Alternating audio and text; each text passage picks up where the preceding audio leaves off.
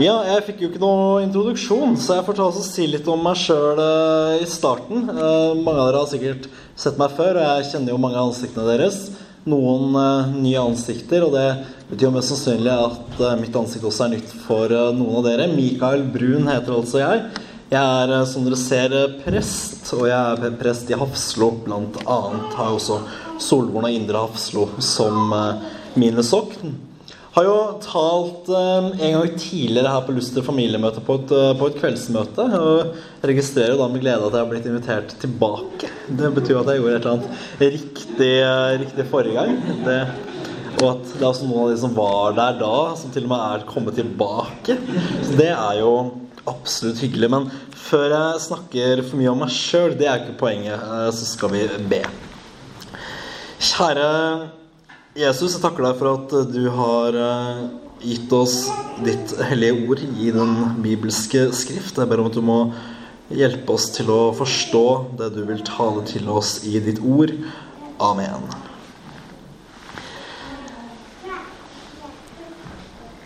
Sånn eh, midt i påsken, eller på inngangsport, i inngangsporten til påske så er det litt vanskelig når man ikke mm, får et tema. Når, man, når ingen sier til deg 'vær så god, tal om dette'. Fordi det er så utrolig mye å ta av når det kommer til temaet.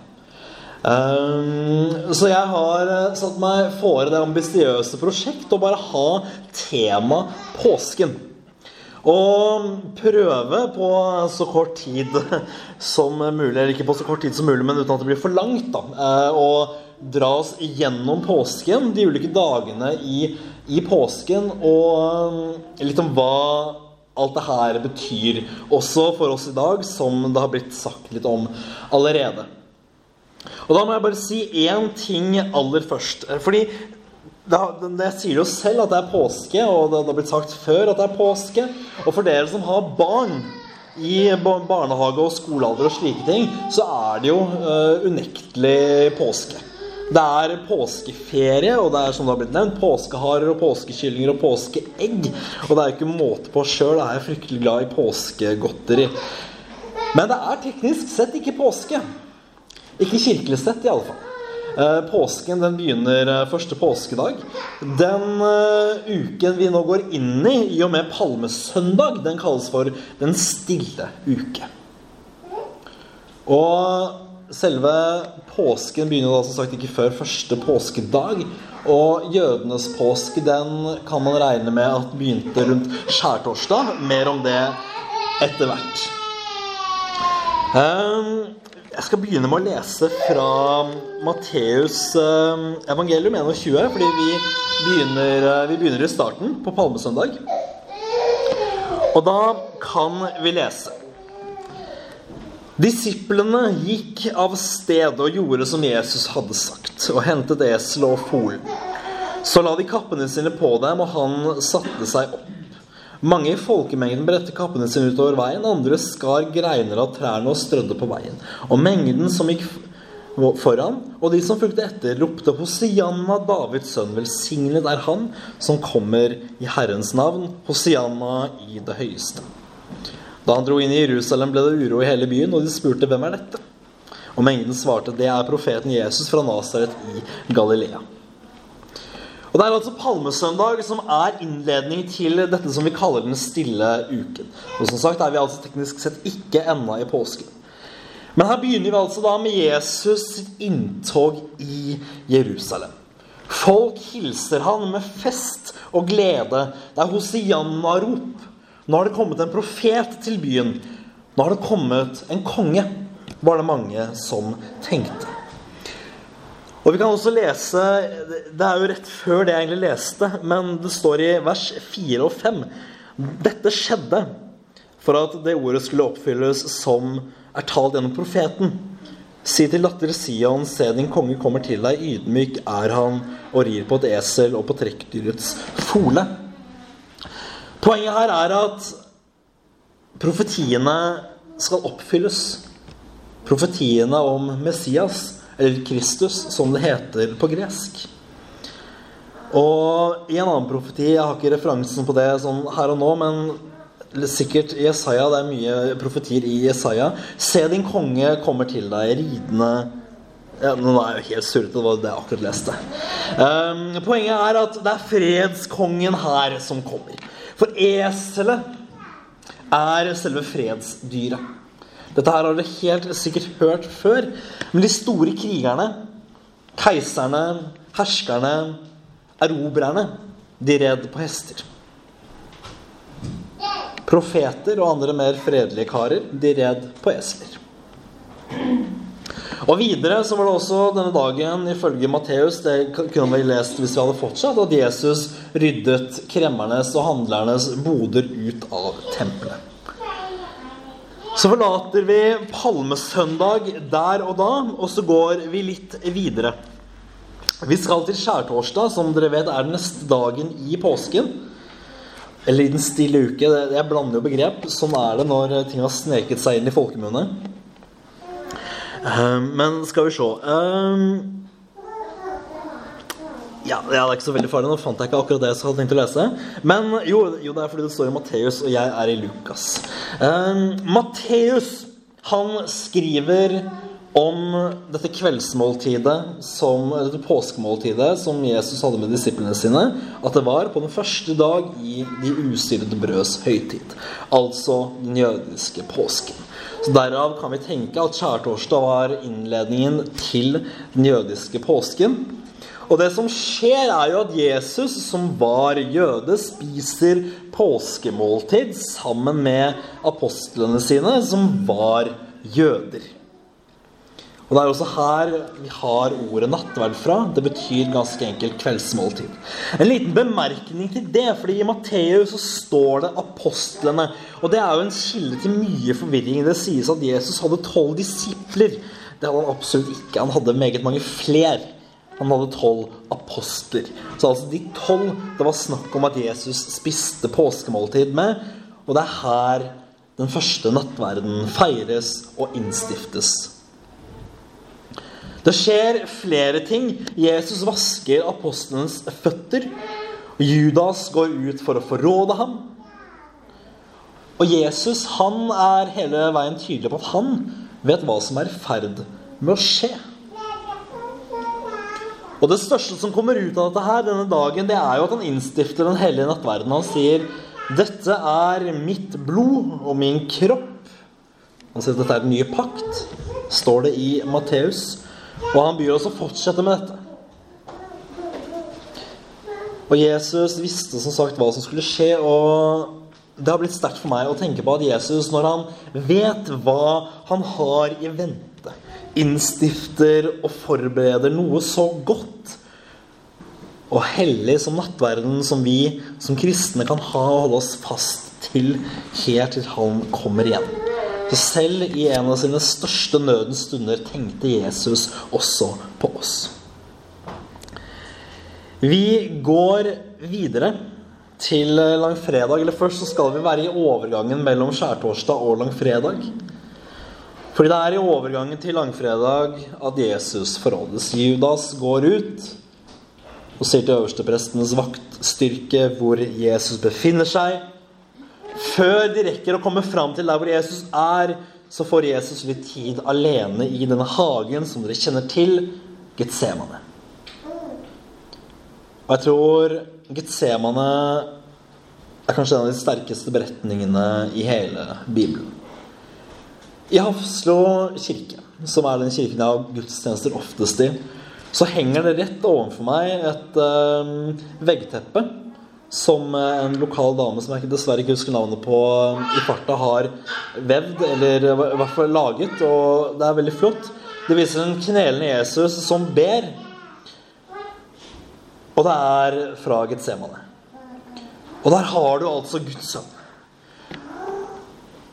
Gud selv. Den aller høyeste. Himmelkongen som skapte himmel og jord. Som kneler og ber til sin far i dødsangst. Og han ber om å slippe i noen eh, beretninger.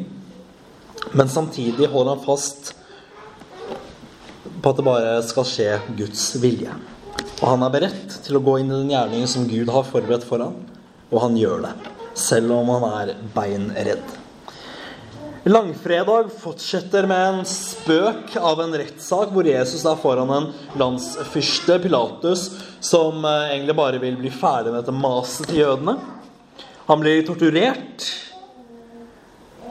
og han korsfestes og dør. Og det er ikke sånn, sånn som man gjerne kunne trodd, at alt her er.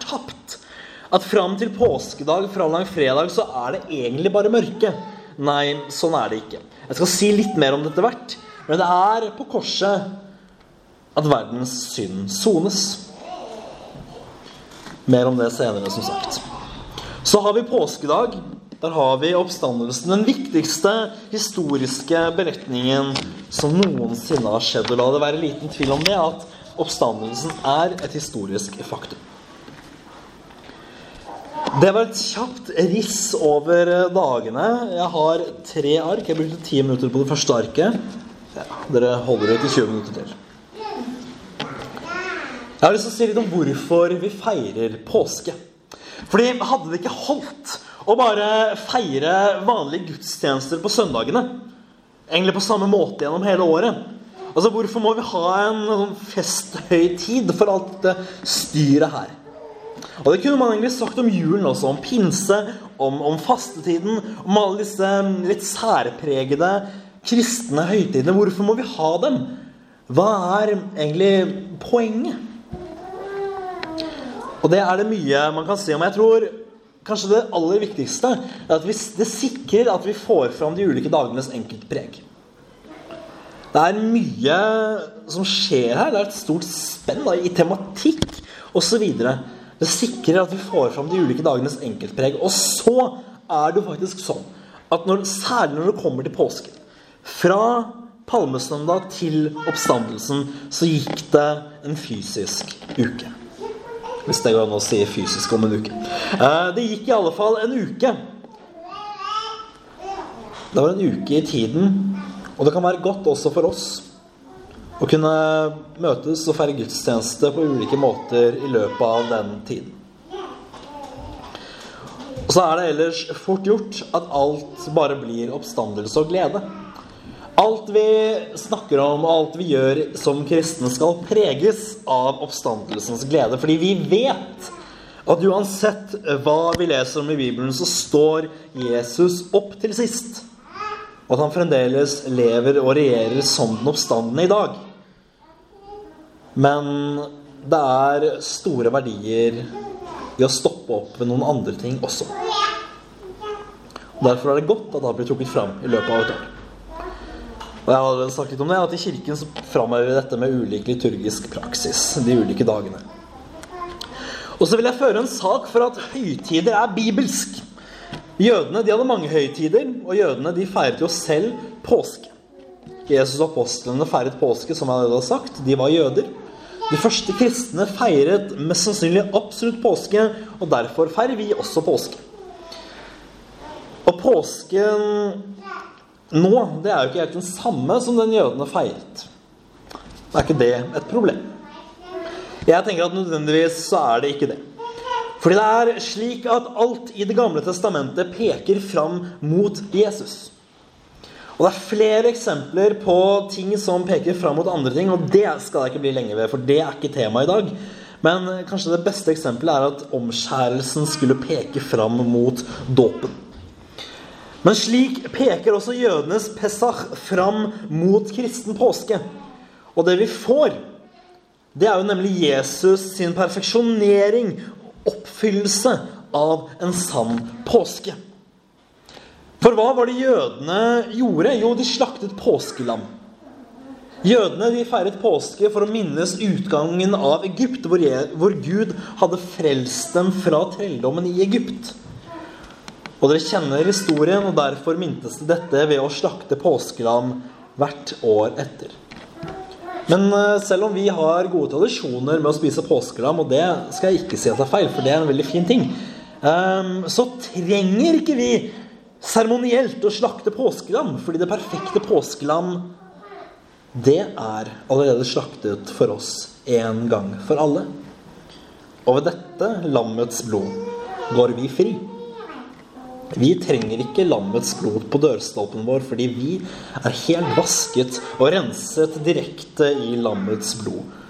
Guds lam som bærer bort verdens synd. Og så eh, går det ikke an å gå en hel tale uten å avvise noe vås i tiden. Eh, det er en del vås i tiden.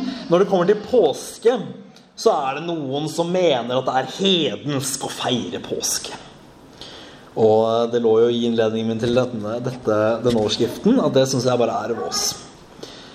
Um, innvendingen mot påske og tanken om at det er hedensk å feire påske, det kommer fra det uheldige faktum at når du skulle ha et engelsk ord for påske, så kalte de det for Easter. Det var kanskje ikke det lureste de gjorde, fordi det er et ord som har opphav fra en hedensk gudinne. Men til trøst så er det et ganske unikt engelsk. Fordi gresk, latin, norsk osv. osv. flere språk deler opphavet i det hebraiske pesach. Og denne engelske, dette engelske ordet det dukket opp på 800-tallet 800 en eller annen gang. Så, og derav dra ut at påsken som vi feirer den i kristendommen i dag, er hedensk, det blir bare rør. Det er ikke noe mer hedensk enn ordet jul. Man kan også debattere hvor eh, lurt det var å kalle det for jul. Men eh, der har jo engelskmennene faktisk bevart det kristelige Christmas, eller kristmesse som vi ville sagt på norsk. Det er rart, det der. Så jeg mener, og hele kirken har også da i 2000 år ment, at det er ok å feire påske. For som jeg har sagt, kristen påske er fullbyrdelsen av jødenes pesach. Det er ikke noe mer hedensk det enn å feire jul til minne om Jesu fødsel, ordet som ble kjød. Og så er det noen som mener at det er hedensk. Og det, Når det kommer til jula, bruker jeg tida mi på å tilbakevise det når den tid kommer. For det kommer alltid noen og maser om det. Det kryr jo av konspirasjonsteorier. Det er helt utrolig. Annet at Jesus er en rip-off av gamle Midtøsten-religioner osv. Og, og listen den er lang. Og det er overraskende mange fornuftige mennesker som mener dette. Av en eller annen grunn så gjør de det, og de har sett en film som heter Sightgeist, hvor dette fremsettes. Og her fremsettes det jo også at 11.9. i USA for noen en del år siden var en innsidejobb. Og det blir jo en altfor gæren konspirasjonsteori. Men at Jesus bare er kopiert fra andre Midtøsten-religioner, det går det an å tro på. Man tror hva man vil her i verden. Det var nok om det. Nå har jeg kommet til det jeg vil si at kanskje er det viktigste. Påskens betydning i Guds frelsesverk. Fordi én ting er at Gud ble menneske. Én ting er at Jesus Kristus ble født ved jomfru Maria og kom til jorden. Det er én ting, og det er viktig. Men hva kom Jesus for å gjøre? Jesus kom for å lide og dø. Og alt er en eh, del og en brikke i Guds frelsesplan. Alt pekte fram Alt peker fram mot påske. Tidlig i evangeliene leser vi at Jesus forutsier sin lidelse, sin død og sin oppstandelse. Og det er her alt fullbyrdes. Det er her alt fullføres. Og vi får alt egentlig godt i rammen av den stille uke. Palmesøndag så kommer Messias. Herrens salvede. Profetiene oppfylles. Jesus er i sannhet Messias eller Kristus, som vi sier på gresk. Herrens salvede frelser. Jødene hadde ventet så lenge på Messias sitt komme, og endelig skjer det. Så har vi skjærtorsdag, hvor Den hellige nattverden innstiftes. Herrens nattverd, det saligste måltid, hvor Jesus i sannhet gir oss sitt legeme og blod, hvor vi får evig liv og tilgivelse for syndene. Og dette er ikke viktig bare fordi det er godt her og nå. Det er et frempek, som så mye annet, mot den himmelske nattverd. Fordi der hvor Det gamle testamentet pekte fram mot Jesus, så peker mye av det Jesus gjorde, og mye av det Kirken gjør i dag, det peker fram mot hvordan ting skal bli i det evige. Hvordan ting skal bli i himmelen. Dette er et frampek mot den himmelske nattverd, mot lammets bryllupsmåltid, som det står skrevet om i Johannes' åpenbaring. Eller lammets bryllupsnattverd, som det sto i gammel oversettelse.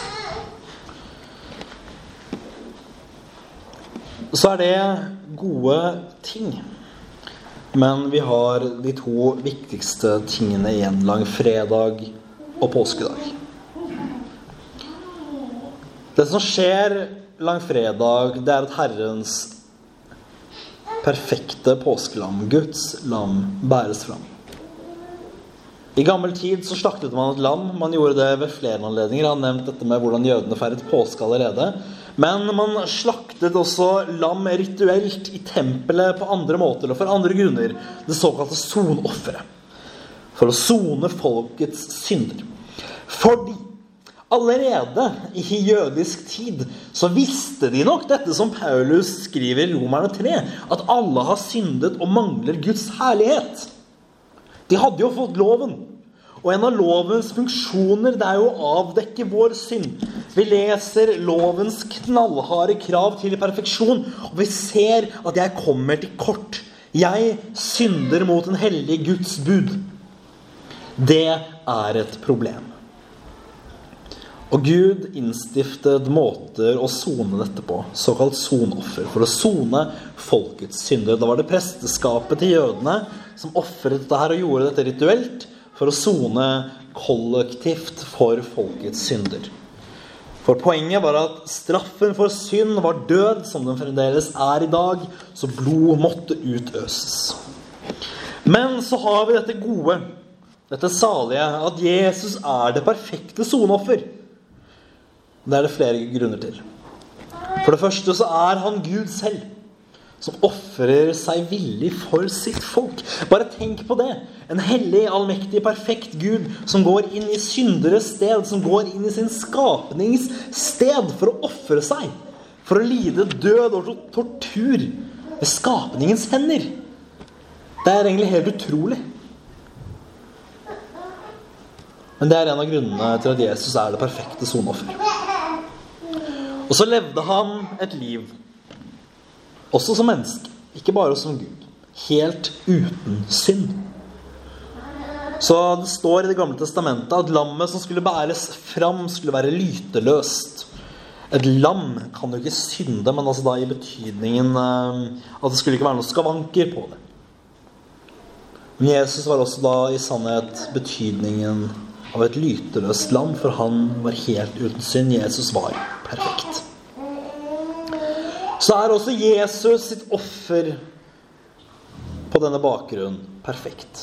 Og når han lider korsdøden, så sones verdens synd. Og vi husker alle sammen døperens ord. Og det er her disse ordene blir, blir sannhet. Se der Guds lam som bærer bort verdens synd. Se der Guds lam som bærer bort verdens synd. Her vinnes frelsen. Og vi får dele den frelsen ved tro. Og det er her verdens synd sones. Og det er viktig. Fordi i lys av påskedagens glede så er det fort gjort at langfredag bare blir mørkt og trist jeg skal ha to gudstjenester langfredag med litt ulikt eh, Altså ikke ulikt preg. Det er litt sånn sorgtungt, disse gudstjenestene i seg selv. Og det er også noe av meningen, fordi Jesus dør jo langfredag. Men vi må holde fast ved at det er her, på korset, at syndene våre blir lagt på Jesus. Og det er i utgangspunktet også en god ting. Og så skal vi med rette også gå inn i noe av den sorgen og lidelsen som Jesus var en del av. Alt skal ikke bare være glede og fjas hele tiden. Noe uheldig å si fjas der. Det er ikke sånn at jeg mener at påskedag er fjas. Um, Påskedag er samtidig viktig, fordi alt hadde sett, på sett og vis vært forgjeves hvis det ikke hadde vært for påskedag. Så påskedag og langfredag de hører absolutt sammen. Jeg bare tror at vi må ikke um, overveie den ene mer enn den andre. Fordi døden, den måtte også overvinnes for at vi kunne få evig liv. Hadde Jesus bare dødd og aldri stått opp igjen, så hadde ikke døden blitt overvunnet. Men det er her det skjer. Det er påskedag i nattens mørke at kampen mot døden kjempes. Og det er her i gravens mørke at kampen mot døden vinnes. At mørkets lenker brytes, at Satans kraft knuses. Døden knuses under Guds sønns fot. Det er en stor ting. Så er det også sånn at Gud anerkjenner Jesu offer ved å reise ham opp fra de døde. Det er også viktig å holde fast ved å, for ikke å snakke om at Jesus ved flere anledninger forutsa sin egen oppstandelse.